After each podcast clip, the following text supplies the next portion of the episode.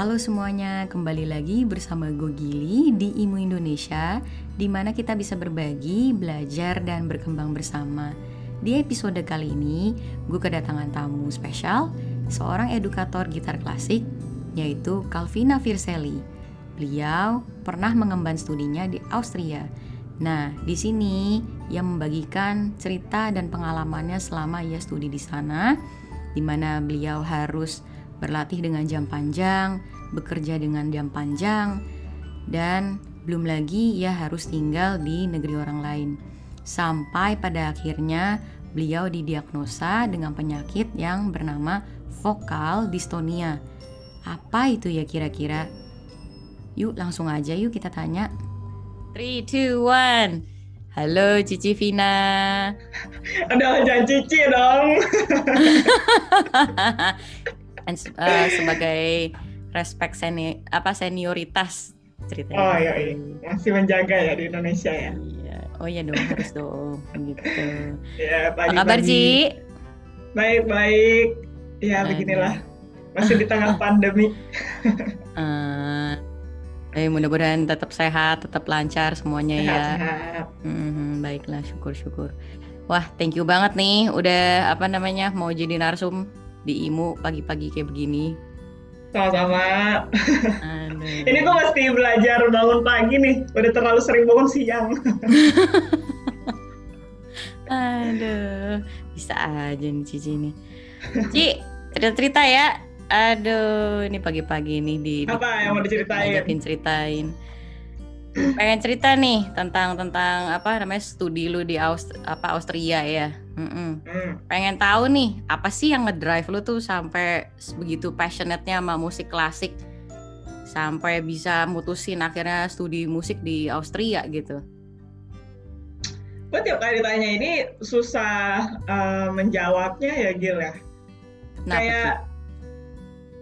Ya karena tidak bisa dijelaskan dengan kata-kata kalau di gua sih. Jadi kayak memang eh, bukan musik secara keseluruhan, tapi entah kenapa gua memang tertarik banget dengan suara dari gitar gitu. Dan gua eh, senang memainkan instrumen itu gitu. Dan setelah gua kelar dari UPH itu, eh boleh nyebut merek kan ya? Eh, setelah kelar dari UPH itu S1, habis itu gue merasa kayak kok kayaknya masih pengen belajar ya maksudnya eh, kayak masih banyak yang bisa dipelajari dari musik gitu. Nah, akhirnya karena waktu itu gue ngambilnya performance terus eh, guru gue kayak nyaranin gitu kan. Dia kan dulu lulusan Austria. Eh cobain aja eh, lanjut ke Austria gitu. Karena di sana kan ya memang eh, musik klasik tuh emang culture mereka gitu kan. Ya udah akhirnya gue kayak uh, tertarik gue lihat-lihat gitu kan sekolahnya terus uh, memang banyak pemain-pemain gitar profesional kan dari Eropa gitu kan. Jadi gue juga kayak tertarik nih bakal banyak event juga di Europe. Akhirnya ya udah iseng-iseng ke sana. Tapi intinya yang mendrive gue ke sana ya sebenarnya passion gue dalam bermain gitar sih. Nice. karena gue ya gue suka banget main gitar. Dan uh, dan satu lagi sih sebenarnya karena uh, gue kan mau mengambil edukasi kan edukasi gitar klasik nah menurut gue di Indonesia memang saat itu masih kurang lah resource-nya akhirnya ya udah untuk serius di bidang edukasi gue decide buat sekolahnya di luar gitu Nice, nice, nice, nice. Tapi kenapa Austria? Biar lu lebih dapat vibe-nya si Mozart gitu atau gimana? Kan masih banyak tempat lain juga di Eropa kan? ya ya sebenarnya uh, mungkin waktu itu kan masih no idea ya mau keluar tapi ke mana gitu kan nah terus memang guru gua uh, lulusan Austria itu. Nah akhirnya dia bilang oh ya udah di situ bagus gitar klasiknya di situ bagus dan sebenarnya waktu itu gua ngincar Jerman juga. Jadi Jerman dan Austria dua. Terus tapi di perjalanannya karena ngurus dokumen-dokumen dan segala macam itu um, menurut gue ada beberapa hal di Jerman tuh sulit gitu. Jadi waktu itu ini karena teknis dokumen aja sih. Jadi akhirnya waktu itu decide ke Austria aja. Yang lainnya gue memang nggak ngecek sih sejujurnya. Karena waktu itu gue berpegangan bahwa yaudah gue percaya sama guru gue gitu. Emang gitar klasik bagusnya di sana.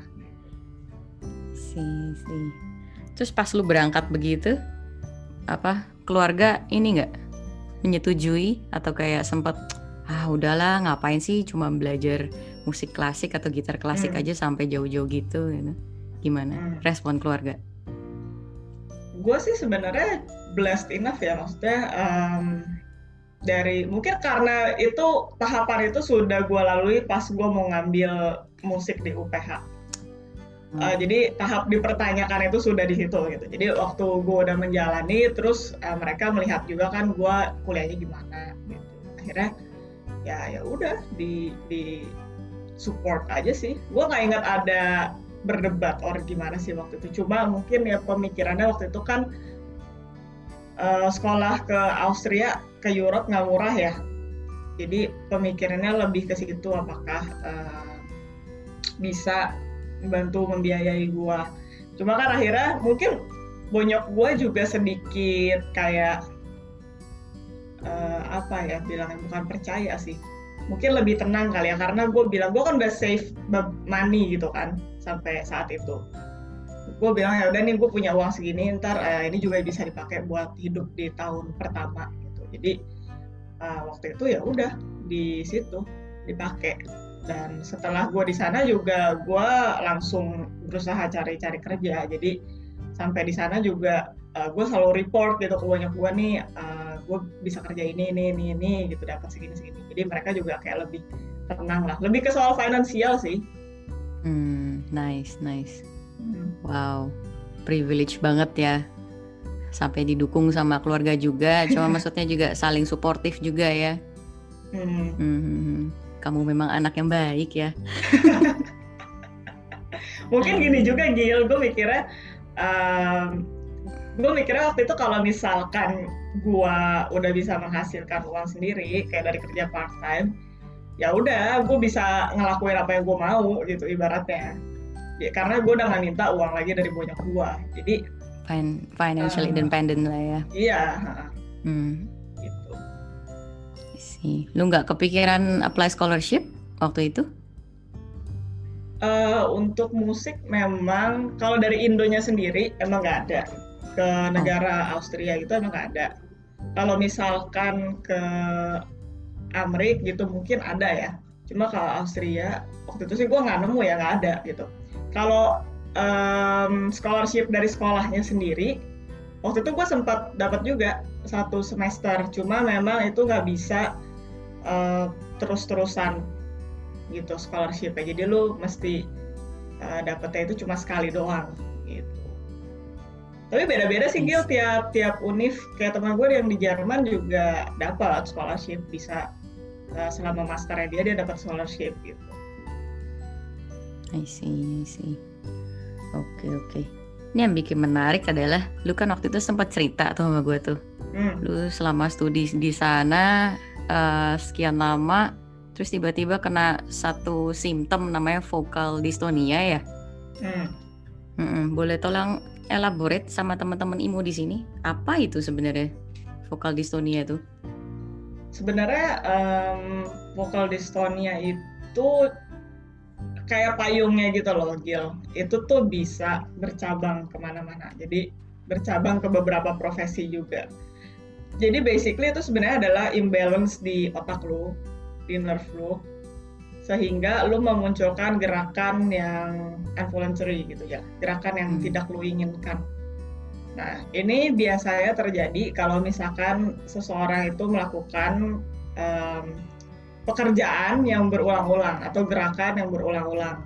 Hmm. Makanya sering kenanya itu sama pemain musik, pemain golf, uh, writer yang suka di komputer mulu gitu jadi uh, ya seperti itu jadi kalau di gua itu case-nya memang ini kalau di pemain musik paling banyak itu kena di pemain piano pemain gitar sama uh, instrumen tiup.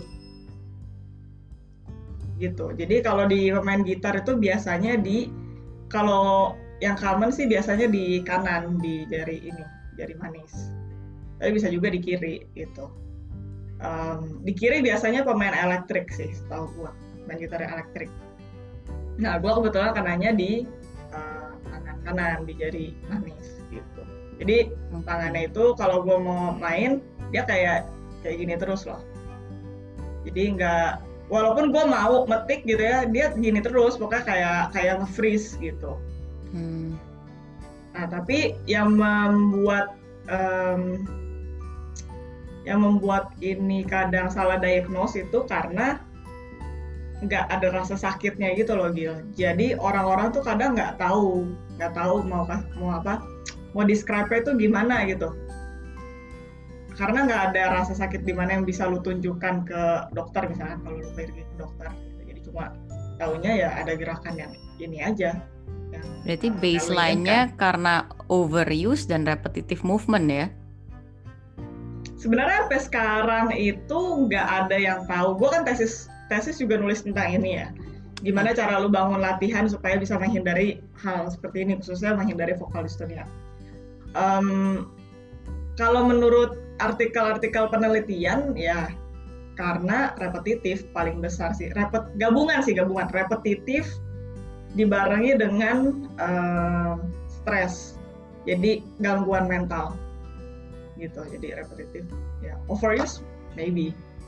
Tapi kalau overuse biasanya kalau ketegangan gitu lebih kayak carpal syndrome sih. Nah tunnel itu ya Justru tadi baru gue mau nanya nih, kok yang bisa bikin lo differentiate antara, vo antara vocal dystonia sama carpal tunnel apa gitu kan? Karena nggak sakit, Gil. Uh. Gitu, jadi nggak sakit. Dan ini lucunya um, terjadi itu kalau lu ini di musik ya kalau lu main atau lu pegang instrumen lu jadi kalau gue sekarang nih gue mau pakai ini dengan sehari-hari gitu ya di kehidupan sehari-hari ya normal aja gue bisa bisa megang barang atau ngapain dengan jari ini dengan normal aja cuma begitu uh, gue berada di situasi gue harus megang gitar itu tiba-tiba kayak gini sendiri gitu jadi lucu sih memang gue waktu waktu awal-awal kena juga antara depres sama bertanya-tanya uh, curious gitu loh. Ya kok ini bisa ya cuma cuma pas megang gitar ya? Hmm. Kalau gue pas megang ukulele kagak gitu. Benar-benar cuma pas megang gitar doang. Gitu, itu aneh ya. Hmm. Gue selalu percaya soalnya kalau sebuah penyakit gitu ya, penyebabnya hmm. tuh uh, ya yang pasti ada dari gaya hidup, yang pasti ada dari pikiran gitu kan. Cuma mostly yang gue percaya sebuah penyakit itu adalah manifestasi dari sebuah pikiran yang stres gitu. Hmm. Either itu physical stress, chemical stress ataupun emotional stress gitu kan. Hmm. Apa emangnya waktu lu di Austria sana tuh ada beban pikiran kah sampai membuat lu sampai bisa terkena disorder ini gitu? Apa hmm. memang dari uh, pressure dari studi atau pressure dari keluarga kah atau gimana tuh ceritanya tuh?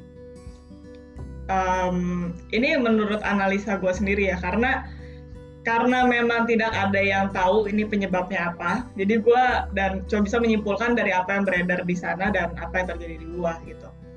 Um, oh dan sebelum itu nggak lama setelah gue kena di angkatan gue itu ada satu gitaris lagi kena dan itu dia di, di jari yang berbeda di yang berbeda dan kalau kita cerita-cerita itu Sims kayak uh, sama gitu cerita hidupnya.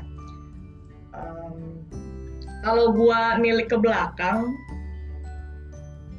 sebenarnya stresnya itu gua yang buat sendiri Gil. Jadi gini loh um, di saat sebelum gua kayak trace back beberapa bulan sebelum gua mendapatkan uh, simptomnya ya itu gua uh, lagi padat-padatnya kuliah kayak di tengah-tengah tahun itu gue ngambil SKS tuh banyak banget. Uh, dan itu SK, apa pelajarannya yang mostly tuh lu mesti uh, bikin kayak paper gitulah. Jadi kayak memang ya padat lah padat kegiatannya. Terus udah gitu gue kerja gue inget banget itu 30 sampai 40 jam seminggu di restoran okay. waktu itu gue part time. Dan itu kerjaannya yang fisikal gitu loh. Jadi bukan yang lu kayak cuma duduk terus lu kerja gitu. Itu yang kan jadi ini kan server gitu. Jadi lu mesti ngidar-ngidar lah 10 jam sehari kadang-kadang gitu kalau lagi weekend.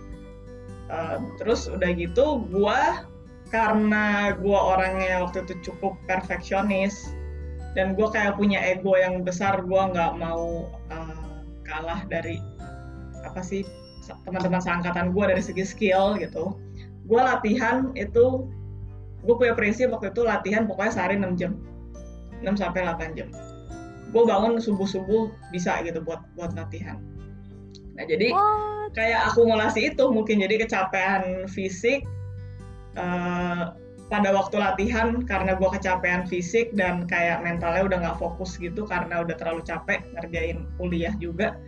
Akhirnya pas latihan mungkin jadi um, gerakannya itu nggak ke store dengan baik sampai ke otak ya, jadi kayak kayak udah messed up banget di sini sama di badan juga udah capek jadinya mungkin ya timbul simptom saya itu akhirnya kalau gue sih berspekulasinya seperti itu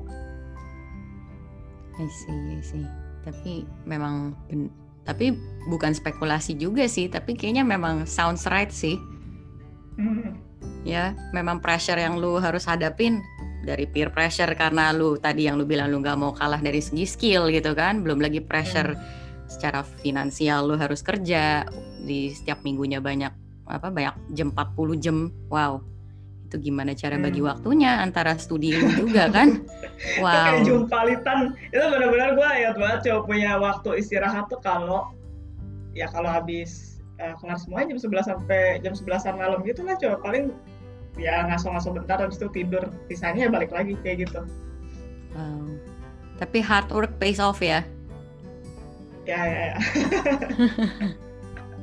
waduh waduh ada terapi-terapi yang lu lakuin nggak buat treating vokal dystonia lu ini? Yang gue denger terakhir gue hmm. pernah ngobrol sama music therapist katanya bisa disuntik botox gitu. Bisa.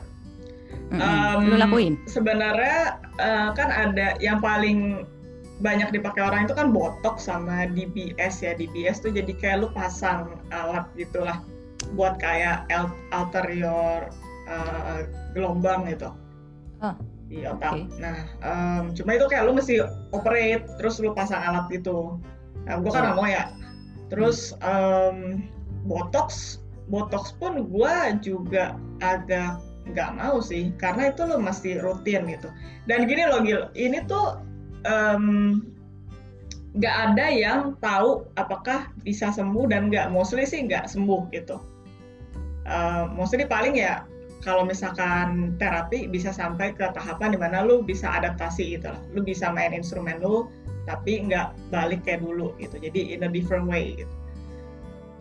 Um, jadi berangkat dari situ, gue bukan pesimis, cuma memang karena tidak ada fakta yang menyebutkan semua itu bisa memberikan kesembuhan, jadi ya gue ya yang ngapain gitu. Apalagi itu kan kayak menyuntikkan sesuatu ke dalam tubuh lu gitu ya.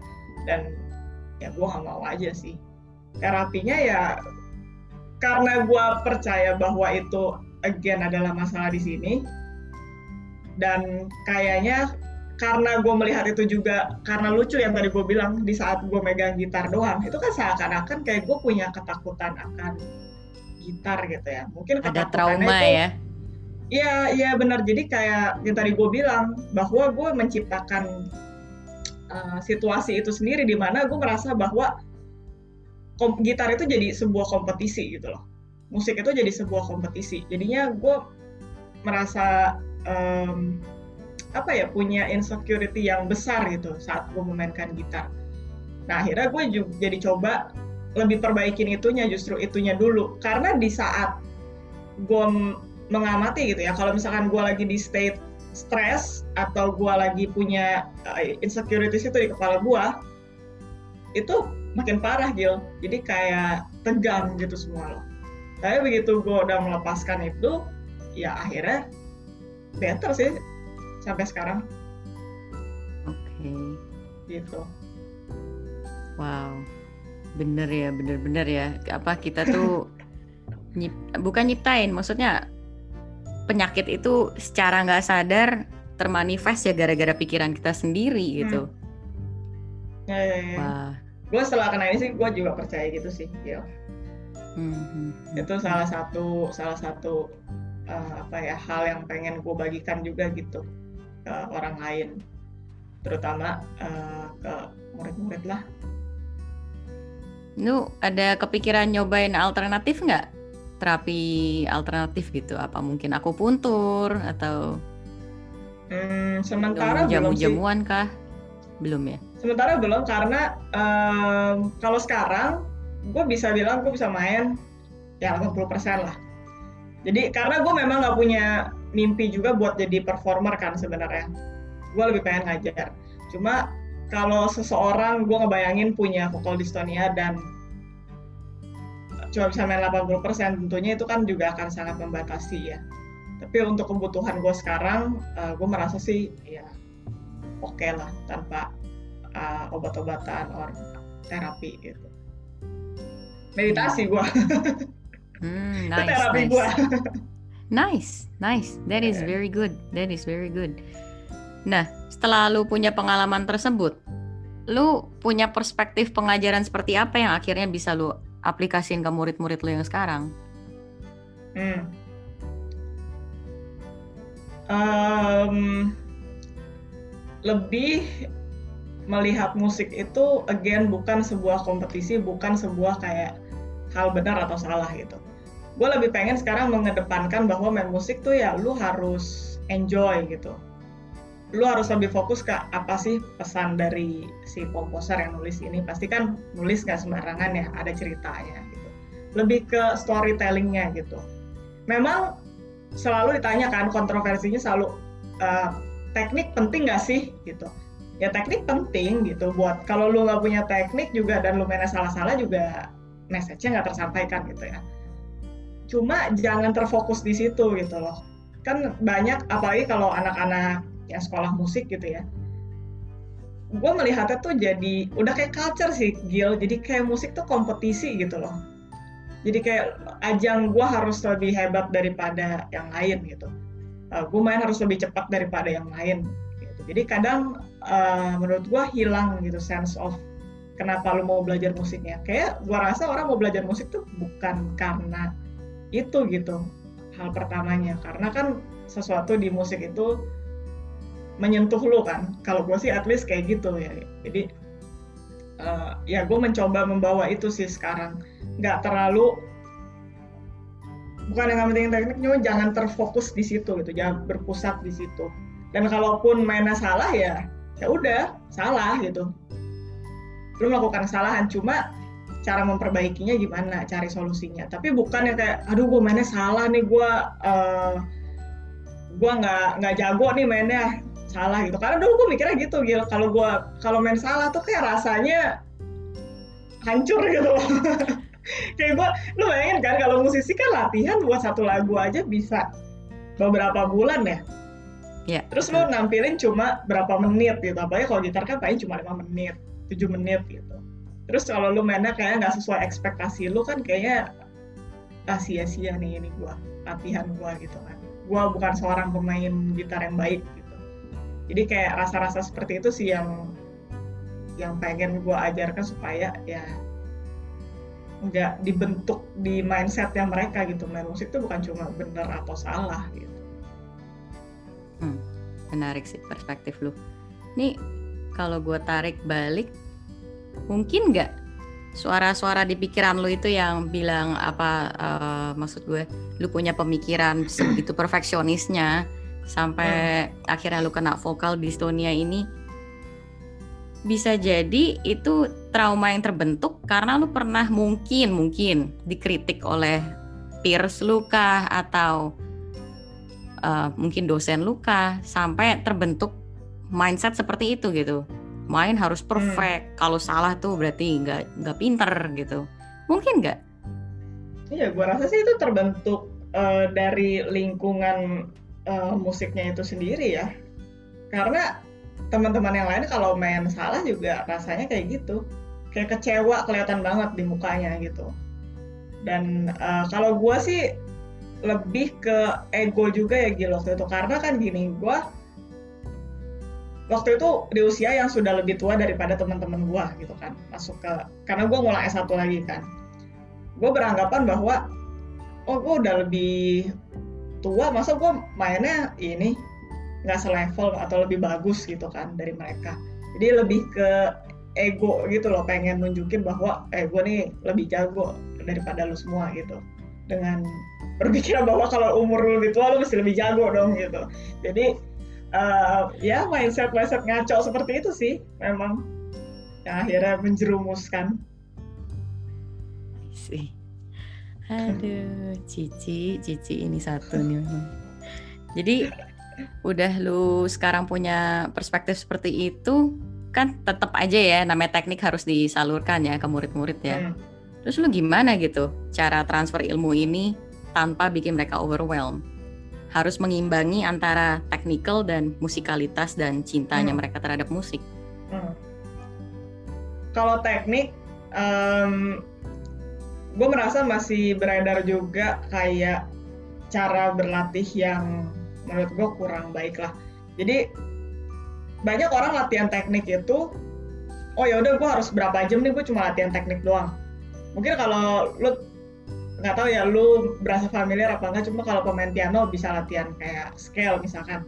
Kayak berapa jam sendiri gitu kan cuma scale doang gitu kan. Ya pemain gitar pun juga sering kayak gitu. Jadi latihan teknik segala macam teknik dari slur, bare semuanya dilatih dalam satu masa gitu. Menurut gue itu too much sih. Kalau lu nggak tahu aplikasinya itu ke mana. Jadi better menurut gue ya ada satu teknik yang diambil kayak misalkan scale, arpeggio itu buat kayak warming up juga. Tapi kalau lu mau latih teknik-teknik yang lain, lu sesuaikan dengan apa yang lagi lu pelajari juga. Jadi lu punya korelasi aplikasinya tuh di mana sih? Dibanding lu cuma latihan-latihan terus terus lu jadi capek sendiri tapi lu nggak tahu mau pakai itu di mana gitu. Jadi kalau gue sih sekarang prefer ngasihnya kayak gitu sih kalau latihan teknik dan murid juga menurut gue jadi dimotivate sih kadang-kadang kalau cuma latihan teknik doang. Nice. Good input. Good input. Hmm. jadi tadi lu juga sempat mention um, lu lebih milih jadi edukator instead of performer.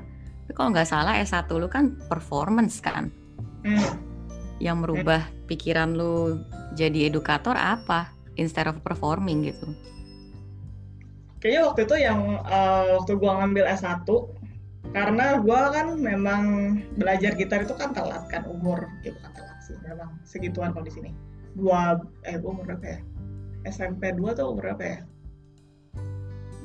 12 ya? 13 eh 4, 13 ya 13 kali 13 14 13 14 habis itu jadi kayak masih panas-panas tuh jiwa main gitarnya jadi masih enjoy perform gitu terus gue kan dulu sering ikut-ikut lomba di sekolah musik gitu kan. Jadinya ya udah kayak waktu itu kepikirannya masih pengen ambil performance. Um, setelah gue perform itu ambil performance mungkin karena gue sendiri pun juga nggak mendapatkan apa yang gue mau ya dari dari pengajar ya. Jadi gue merasa gue mau jadi pengajar juga yang bisa memberikan sesuatu yang lebih gitu. Dan gue merasa sih kalau di Indonesia memang perlunya itu ya dibanding performer ya. Karena banyak orang punya skill bisa main uh, bagus gitu ya. Cuma um, musiknya tuh kayak kosong gitu loh.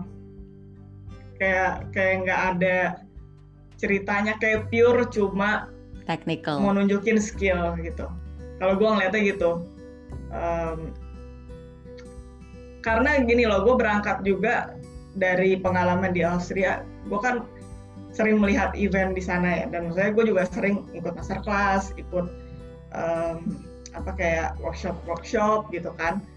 Dan gue melihat orang sana itu musik tuh nomor satu gitu Maksudnya selalu yang dikedepankan tuh ya gimana caranya lu nyampein cerita, gimana caranya lu bisa interpret lagu ini gitu.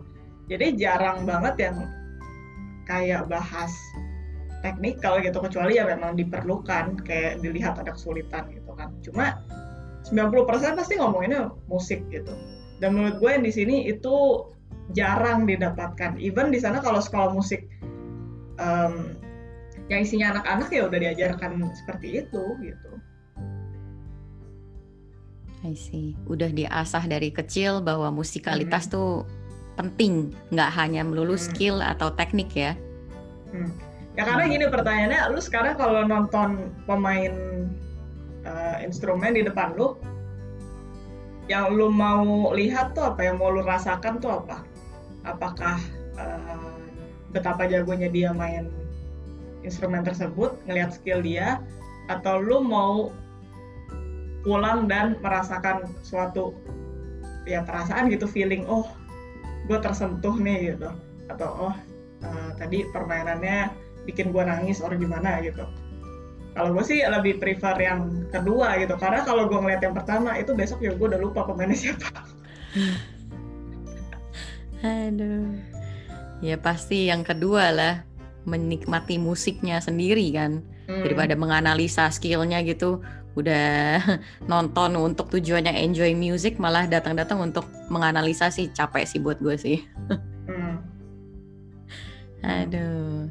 Jadi Cici ada tips nggak nih buat teman-teman imu? Misalkan kalau mereka tuh uh, bertanya eh gue juga pengen ngikutin jejaknya si Cici ini satu nih studi keluar juga S2-nya atau S1-nya lagi atau gimana gitu. Apa nih yang mesti dipersiapkan Tips. nih kalau mau studi keluar? Mm -mm. Uh, mungkin kok bisa ngomongnya kalau ke Austria ya, kalau ke tempat yang lain mungkin beda. Kalau ke Jerman kayaknya mirip deh kalau ke Jerman. Um, kalau mau ke Austria bisa lihat nanti link saya. Udah bikin videonya. Asik. Uh, cuma kalau in general ya pertama tentunya kalau Austria bahasa. Bahasa sekarang udah lebih tinggi standarnya. Jadi kalau bisa teman-teman kalau ada mau situ spend waktunya lebih banyak dulu buat persiapin bahasa. Uh, terus dokumen-dokumen. Dan yang paling penting ya supaya lo bisa kuliah di sana ya persiapin audisi. Dan again orang sana itu nggak peduli lu mainnya sejago apa gitu ya. Mungkin ya lu beruntung gitu kalau diterima karena skill. Cuma mereka selalu ngelihat uh, musikalitas lu gimana.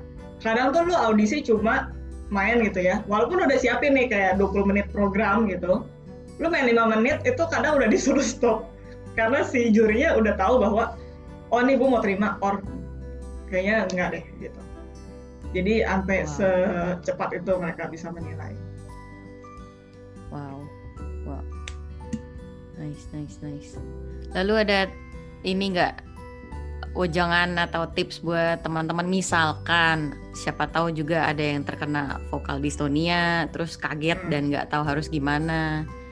Kira-kira hmm. gimana ngadepinnya dan adaptasinya gimana gitu. Hmm, kalau misalkan tergantung orangnya ya. Kalau misalkan ada yang lebih prefer buat dapetin saran medis ya kalian bisa ke dokter gitu. Kayaknya setahu gue di Indo itu nggak tahu kayak nggak ada deh Gil yang tahu soal ini. Even ya even even profesor gua aja nggak tahu soal ini. Jadi ini ses sesuatu iya ini sesuatu sindrom yang banyak banget dimiliki musisi. Gue nggak gue kaget ini seberapa banyak dimiliki musisi. Um, tapi banyak yang nggak tahu. Karena ini complicated sih mungkin karena banyak yang merasa juga karirnya itu hancur kalau dia udah bilang oh gue punya vokal dystonia gitu. Ya memang kadang karirnya bisa hancur gitu apalagi lu kalau performer gitu kan. Ya kalau lu mau cari uh, saran medis ya ke dokter. So gue di Singapura sih yang ada. Terus um, kalau gue karena again gue bukan pesimis tapi karena tahu di kenyataannya tidak ada yang bisa menjamin kesembuhan gue prefer memperbaiki mindset dan berlatih dalam kondisi yang selalu rileks gitu. Dan jangan ngoyo. Jangan ngoyo. Intinya kalau lu sedikit aja kayak merasa ketegangan atau stres, itu biasanya um, simptom lu tuh lebih cepat muncul gitu, lebih sering muncul. Gitu. Dan itu gue dulu struggle banget karena um, gue kena ini tuh beberapa semester sebelum gue resital akhir gitu. Gue tuh udah mau menyerah, udahlah S1 gue lupain aja gitu karena uh, memang nggak bisa main waktu itu. Emang nggak bisa main. Main lagu simple itu gue nggak bisa. Sampai akhirnya uh, gue decide gitu kalau sampai bulan tertentu nih gue nggak bisa main program gue udah lupain aja tuh bachelor gitu kan gue pulang aja. Tapi ternyata ya karena uh, gue juga self eksperimen gitu ya uh, ya tadi jaga lebih jaga ke kesehatan mentalnya. Akhirnya ya bisa S1 lulus. Itu sih hal terbangga yang pernah gue lakukan sih. Um, mengalahkan pikiran diri sendiri sih tepatnya waktu itu. Ketakutan diri sendiri. Dan apalagi ya? Kalau menurut gua ada baiknya kita tahu lebih banyak gitu ya tentang ini. Kalau lu udah kena, coba cari informasi dulu gitu ke sumber-sumber yang memang terpercaya, artikel yang kayak dari research gitu, jangan artikel abal-abal. Kalau udah, udah tahu dapat, ya udah, udah aja gitu. Gak usah attach sama, nggak usah attach sama apa yang lu punya gitu, karena itu nggak define lu gitu. Karena begitu lu merasa bahwa oh gua ini adalah pen, pe, apa penderita vokal dystonia gue rasa sih sulit sih lo mau mau bisa punya hidup yang lebih happy karena lo jadi kayak merasa korban terus setiap harinya gitu.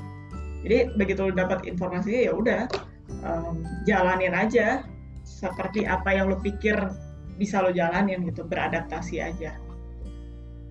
Itu sih. Kalau mau tanya-tanya silakan nanti kontak gue. Oke oke. Sebelum sebelum sampai situ, ini pertanyaan terakhir. Apa yang menjadi impian lu sekarang sebagai seorang edukator musik setelah melalui banyak pengalaman-pengalaman seperti ini? Hmm. Ya, again menyampaikan bahwa um, lu tuh harus enjoy lah main musik. Harus enjoy sama lu harus bisa membagikan juga apa yang buat lu enjoy gitu ke orang lain kalau memang mau lu bagikan ya atau mau lu keep buat diri lu sendiri misalnya uh, cuma ya itu karena lu kan nggak mau juga ya latihan berjam-jam tapi lu nggak enjoy dengan apa yang lu latih. Jadi ya itu sih menurut gua yang paling penting. Dan kenapa musik itu sampai sekarang masih ada ya menurut gua karena itu menghibur orang in hal yang berbeda. Maksudnya selalu memberikan um, feeling-feeling yang berbeda ke setiap orangnya. Ya kayak apa ya kayak menyampaikan sesuatu yang nggak bisa lo ungkapkan dengan kata-kata gitu. Jadi menurut gue ya itu sih yang harus dipegang setiap orang yang ingin serius di musik. Jadi bukan sesuatu hal yang teknikal gitu. Karena kalau lu mau cuma menganggap itu sesuatu hal yang teknikal suatu saat ya mungkin ada robot yang bisa mainin instrumen lu. Cuma kan yang membedakan lu sama robot karena lu punya hati. Deep deep. Terus impiannya Cici sendiri ke depan? Gimana Ci? Sebagai manusia yang udah lebih ngerti lagi tentang mindfulness. Hmm. kira-kira gimana untuk beradaptasi dengan kondisi lu yang sekarang ini? Hmm. Kalau gue mau tetap ngelatih uh, dan mengenal diri gue sendiri sih karena sekarang gue juga masih di proses itu gitu. Pengen punya hidup yang lebih damai aja lah dengan gue mengenal diri gue sendiri dulu gitu. Terlepas dari pikiran-pikiran um, dan ekspektasi orang lain gitu. Karena at the end ya ini hidup gue bukan hidup mereka gitu kan. Dan pengennya kalau gue sudah um, apa ya pengennya gue juga bisa membagikan bukan bagikan sih lebih jadinya melayani lah melayani orang lain gitu dengan apa yang gue miliki nantinya. Melayani dengan tulus lah. Contohnya ya satu kayak sekarang yang bisa gue bagikan ya ilmu gitu. Ilmu musik. Ya itu aja sih. Nggak nggak terlalu grandios but nice. Melayani itu kata-kata yang wow. Nice nice nice Cici thank you banget buat waktunya. Mau sharing-sharing sama teman-teman imu di sini. Terus nih kalau teman-teman ada yang mau nanya nanti eh mau dong consult sama si Cici Vina nih. Mau tentang studi hmm. di luar kah? Atau mau tentang mungkin sekedar sharing tentang vokal dystonia yang mungkin mereka ada idapkan cuman mereka nggak tahu nggak ngerti musik ke mana gitu. Hmm. Mesti cari Cici ke mana nih?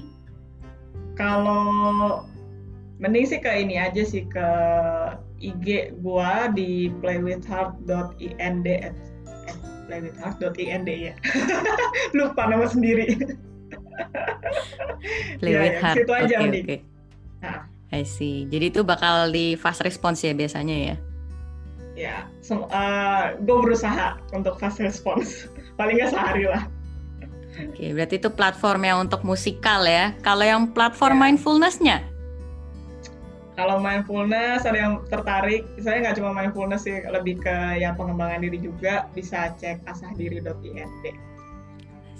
Oh by the way, kalau misalkan teman-teman ada yang uh, punya vokal dystonia gitu ya di Facebook itu ada Facebook group yang menurut gua uh, support banget soal vokal dystonia. Cari aja keywordnya vokal dystonia gitu ntar muncul dia paling atas grup gitu.